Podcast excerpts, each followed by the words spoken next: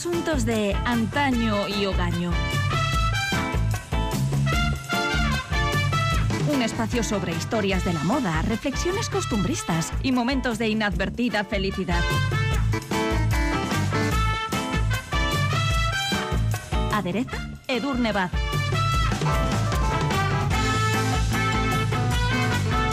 Fijamos hoy nuestra atención en una prenda que en algún u otro momento de la vida todas hemos tenido en el armario, la minifalda. Un pedazo de tela absolutamente normalizado en nuestros días que sin embargo tuvo en su momento una enorme relevancia desde el punto de vista social y cultural.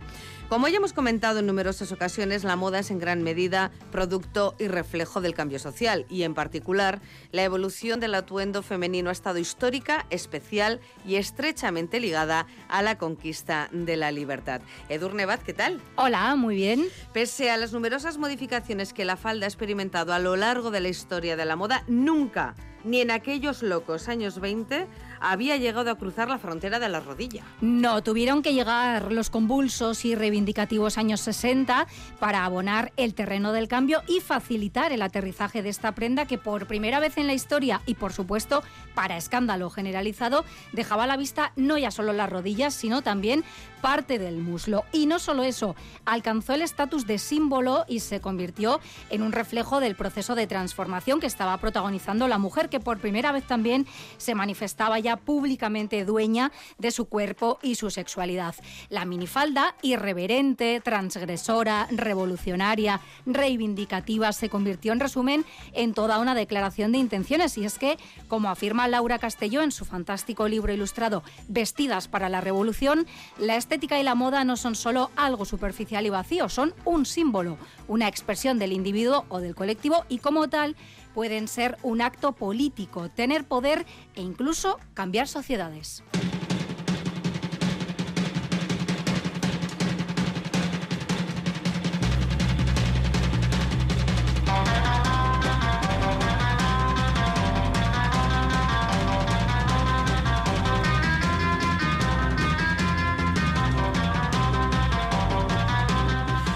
Este espacio, cuando repasamos la historia de una prenda o complemento, nos gusta empezar por lo obvio, la descripción.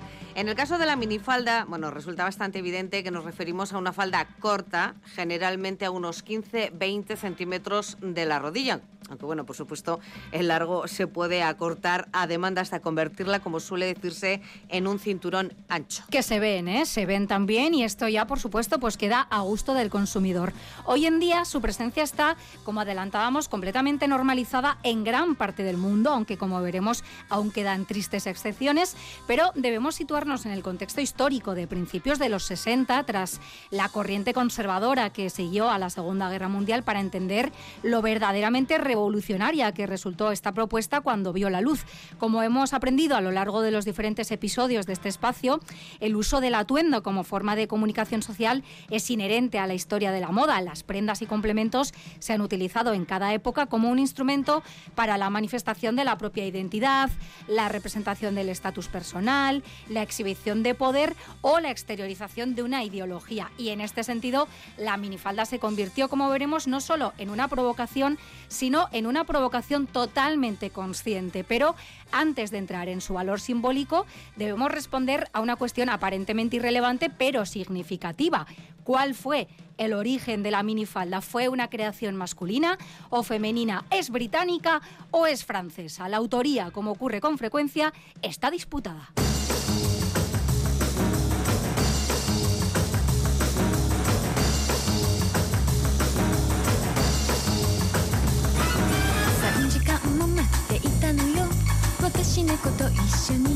No existe un acuerdo unánime a la hora de atribuir la autoría de la minifalda a un diseñador o diseñadora en particular. Pero si bien se barajan varios nombres, la mayor parte de las teorías se dividen fundamentalmente entre dos candidatos, la británica Mary Quant y el francés André Courage. Sí, y a este respecto Mary Quant salió en su día al paso, muy diplomáticamente, afirmando que inventar no habían inventado nada ninguno de los dos, porque la minifalda, defiende la diseñadora, fue obra de mujeres normales y corrientes que a principios de los años 60 empezaron a usarla por las calles de Londres y París. Lo que sí está claro que fue Mary Quant quien la popularizó y también la que le puso nombre, porque se inspiró para ello en su coche favorito que era el Mini Cooper. Y ella misma contó en un documental, Mary Quant, Mini Cooper, minifalda, que el mini auto combinaba la perfección con la minifalda, hacía todo lo que uno quería, se veía genial, era optimista, exuberante, joven, coqueto, todo en su justa medida. La emblemática diseñadora británica, que en la actualidad tiene 91 años, ha contado que sus primeros pasos en la moda y el diseño fueron consecuencia de hacer de la necesidad virtud. Tenía que ponerse los viejos vestidos de su prima y como no le quedaban bien, optó por reformarlos o directamente hacerse su propia ropa. Lo primero que recuerda haber modificado fue su uniforme escolar, acortando cada vez más la falda para, según ha confesado, tener un aspecto más interesante, algo que han hecho muchas niñas a lo largo de la historia y sin saber que estaba ya, en su caso, sembrando la semilla del que acabaría convirtiéndose en su éxito más reconocido. Tras perfeccionar su técnica trabajando como costurera en tiendas de alta costura o como diseñadora de sombreros, en 1955 abrió, junto a su marido Alexander Plunkett Green y su socio Archie McNair, su primera tienda en la céntrica y ya legendaria calle Kings Road Londres, en el no menos mítico barrio de Chelsea, y la llamaron Bazaar. Inicialmente vendían prendas de otros diseñadores, pero Mary Quant encontraba el estilo de los 50 demasiado serio anticuado y para colmo caro. Así que optó por empezar a vender sus propios diseños. Sí, y apostó por un estilo novedoso, fresco, desenfadado, juvenil y rompedor que arrasó en un contexto de rebeldía emergente y además generalizada entre la juventud. Su estilo sencillo y colorista, identificado con su representativa Margarita, rompía con la moda imperante, con las larguras, siluetas y volúmenes clásicos. Y es que además hasta el momento no había existido una moda específicamente juvenil. Las chicas jóvenes pasaban de vestir como niñas a vestirse directamente como sus madres. Todos los jóvenes en su conjunto anhelaban romper con los convencionalismos burgueses y como cualquier adolescente pues sentirse libres y especiales, ¿no? Y Mary Quant supo identificar las necesidades de sus clientas y materializar ese espíritu de cambio que caracterizó la década de los 60, ofreciendo fantasía, nuevas formas y vivos colores que abrieron paso a la posterior psicodelia y a la estética hippie. En un momento además en el que la alta costura, selecta y clasista, dejaba paso ya al pretaporter mucho más democrático y popular. Y más allá de Londres, otros diseñadores, como los franceses André Courès, Emmanuel Húngaro o Pierre Cardin, se sumaron también a experimentar con estilos más juveniles que hacían las delicias de las chicas que se habían hartado ya de vestir como sus madres, con propuestas de corte recto, geométrico, que dejaban a la vista partes hasta la fecha inéditas del cuerpo y jugaban con la idea tan presente entonces de la exploración del espacio. Y fue en ese contexto en el que en 1964 vio la luz la minifalda. Sí, la musa de Mary Quant, según ha compartido ella misma, fue una bailarina de claqué a la que solía observar en el estudio de danza en el que ella tomaba clases de ballet. Una vez, contó la diseñadora a la revista The Week, escuché la música que venía de al lado y cuando me asomé vi en el medio de la habitación a una chica un par de años mayor que yo que reflejaba todo lo que yo quería ser. Tenía puesta una falda corta, plisada, de unos 25 centímetros de largo, con un ajustado suéter negro, medias negras y un corte de pelo bob. Lo que me sorprendió fue cómo toda su apariencia se enfocaba en lo que tenía en sus pies, un par de calcetines blancos y un par de zapatos de claque con tiras en los tobillos. Desde ese día quedé fascinada con esa hermosa imagen. Bueno, pues su minifalda se presentó en sociedad en un desfile que tuvo lugar, como avanzabas, el 10 de julio de 1964 y las reacciones fueron, como supondréis, de máximo escándalo entre los más pacatos, que eran muchos, porque siempre son demasiados, pero también entusiasmó al público más joven e inconformista que anhelaba cambios y novedades. Un artículo en la revista Vogue y en adelante el cine y la televisión hicieron el resto y el mensaje ya quedaba alto y claro, lo verbalizó la propia Mary Quant. La mujer moderna, dijo ella, lleva la ropa. La ropa no la lleva ella.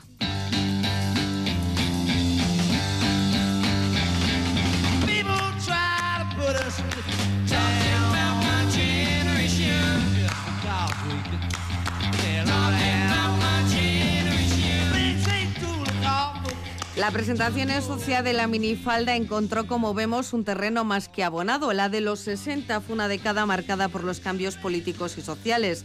Fueron tiempos de agitación, movimientos estudiantiles, reivindicación de las libertades, lucha por los derechos civiles o en suelo estadounidense un movimiento pacifista y hippie que acabó traspasando fronteras. Claramente fue una época de eclosión. Superada la Segunda Guerra Mundial y sus terribles estragos, la economía ya se iba recuperando y reinaban el optimismo y la fe en el futuro. Si llegar a la Luna era posible, cualquier cosa parecía posible. La segunda ola del movimiento feminista empezó también a cuestionar con mayor fuerza los roles de género y a reivindicar los derechos sexuales y reproductivos de las mujeres, en gran medida representados por la llegada de la píldora anticonceptiva. El movimiento se sirvió también de la moda para dar fuerza visual a su mensaje con la popularización, sin ir más lejos, de los microshorts, las botas altas o, por supuesto, la minifalda como respuesta a la imagen recatada y estereotipada de la ama de casa y madre. Afirma Laura Castelló en su ya citado libro Vestidas para la Revolución que la historia de la moda y de las luchas feministas pasa, entre otras muchísimas cosas, por romper con la estética y los estereotipos autoimpuestos, con todos esos elementos limitadores y opresores que nos mantenían inmóviles, como si fuéramos un elemento decorativo del paisaje, como un mueble, dice ella, del salón. Y antes de que Yves Saint Laurent revolucionara el panorama mostrando en 1966 y por primera vez sobre una pasarela el smoking femenino, al que ya dedicamos un capítulo, la minifalda planteó un desafío que no se había visto desde la aparición en escena del mayor escándalo reciente que había sido el bikini. Musicalmente fue también una década muy prolífica en la que, se, en la que comenzaron su andadura bandas míticas como The Beatles, The Rolling Stones, The Kings, The Who o Pink Floyd, además de solistas icónicos como la sofisticada Dusty Springfield o el más psicodélico Jimi Hendrix. Todos ellos influyeron, más allá de lo musical, en la estética de su tiempo. Y en efecto se dio una explosión de creatividad generalizada que se dejó notar en la moda, la música, el cine, el teatro y la cultura en general. Toda aquella efervescencia cultural cristalizó en un concepto que acuñó la revista Time, el Swing in London, que cabría traducir como el Londres marchoso, agitado, moderno, que por aquel entonces marcaba la pauta mundial. Tal es así que en 1966 Mary Quant recibió el título de oficial de la Orden del Imperio Británico que ella, faltaría más, recogió luciendo una minifalda. La prenda, que cabe decir sin recato alguno, marcó un antes y un después en la moda. Se convirtió, como decíamos, en un símbolo de rebeldía y liberación para esa emergente cultura juvenil que empezó a palpitar ya en la década de los 50 pero explosionó definitivamente en los 60. Ese aparentemente insignificante trozo de tela tuvo una enorme e inesperada relevancia desde un punto de vista social y cultural. En palabras de la propia Mary Quant, la minifalda no surgió de una manera concienzuda, fue una explosión, una necesidad. La juventud lo pedía a gritos.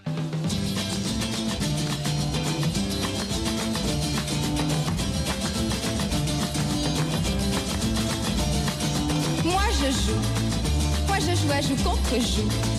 Je veux jouer à joue contre vous, mais vous. Todas las épocas tienen sus influencers y, en los 60 hubo conocidos rostros que contribuyeron enormemente a la popularización de la minifalda. Pero ¿quiénes fueron sus mejores embajadoras? Bueno, yo creo que existe unanimidad al afirmar que si hubo alguien que contribuyó de forma inequívoca al éxito de la minifalda fue la recordada modelo británica Twiggy, también conocida como el rostro del 66, con una silueta delgada, incluso aniñada, el pelo corto y aquellos enormes ojos rodeados de inmensas pestañas, se convirtió en un icono de su tiempo y rompió además con los curvilíneos cánones de belleza impuestos durante la década de los 50. Mary Quant encontró en ella a la modelo perfecta para lucir sus minifaldas y mini vestidos, que entonces solían combinarse con medias o leotardos de vivos colores y con merceditas o botas altas. En suelo francés, el diseñador André Courex, a quien, como decíamos,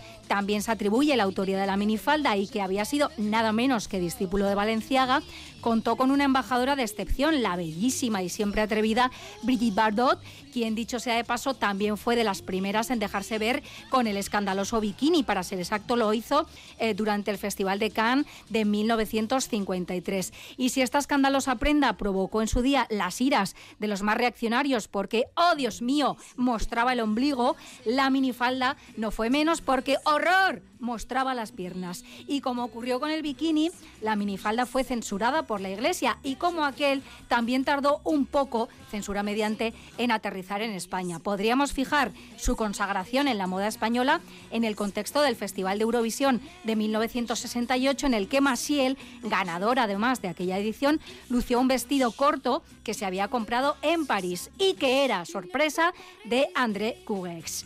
Otras embajadoras también de excepción fueron, por citar solo algunos ejemplos, la cantante Nancy Sinatra, la fotógrafa y exmodelo Patty Boyd o la legendaria supermodelo Jan Simpson, alias el rostro de los 60, la mejor pagada y la más fotografiada del momento. También Jackie Kennedy ha lucido la minifalda con la elegancia acostumbrada y, cómo no, una de las mujeres con las piernas más bonitas de la historia, la gran Tina Turner. Hubo otra mujer a la que Mary Quant, según ha confesado, le hubiera gustado ver con una minifalda, que es Margaret Thatcher. Eh, la verdad es que nos cuesta mucho imaginar esta imagen, ¿no? Eh, eh, bueno, esta fotografía nunca se dio y nos cuesta incluso imaginarla. Yo sí, a mí también. Más allá de los puritanos de turno, la minifalda también tuvo sorprendentes detractores. Sí, por ejemplo, Coco Chanel, que la encontraba, cito sencillamente horrenda. Ella había sido una gran innovadora y pionera en liberar el cuerpo femenino, pero la llegada de la minifalda, quizá porque le pilló ya muy mayor, pues le horrorizó. Y aunque no la llegó a conocer porque murió prematuramente en 1957, cabe suponer que tampoco a Christian Dior le hubiera gustado demasiado, ya que él afirmaba que las rodillas eran la parte más fea del cuerpo. Hablando de rodillas, la propia Mary Quant ha dejado una frase para el recuerdo, que es una mujer es tan joven como su rodilla, lo cual es triste y dolorosamente cierto, aunque yo, como Nora Ephron, añadiría también el cuello.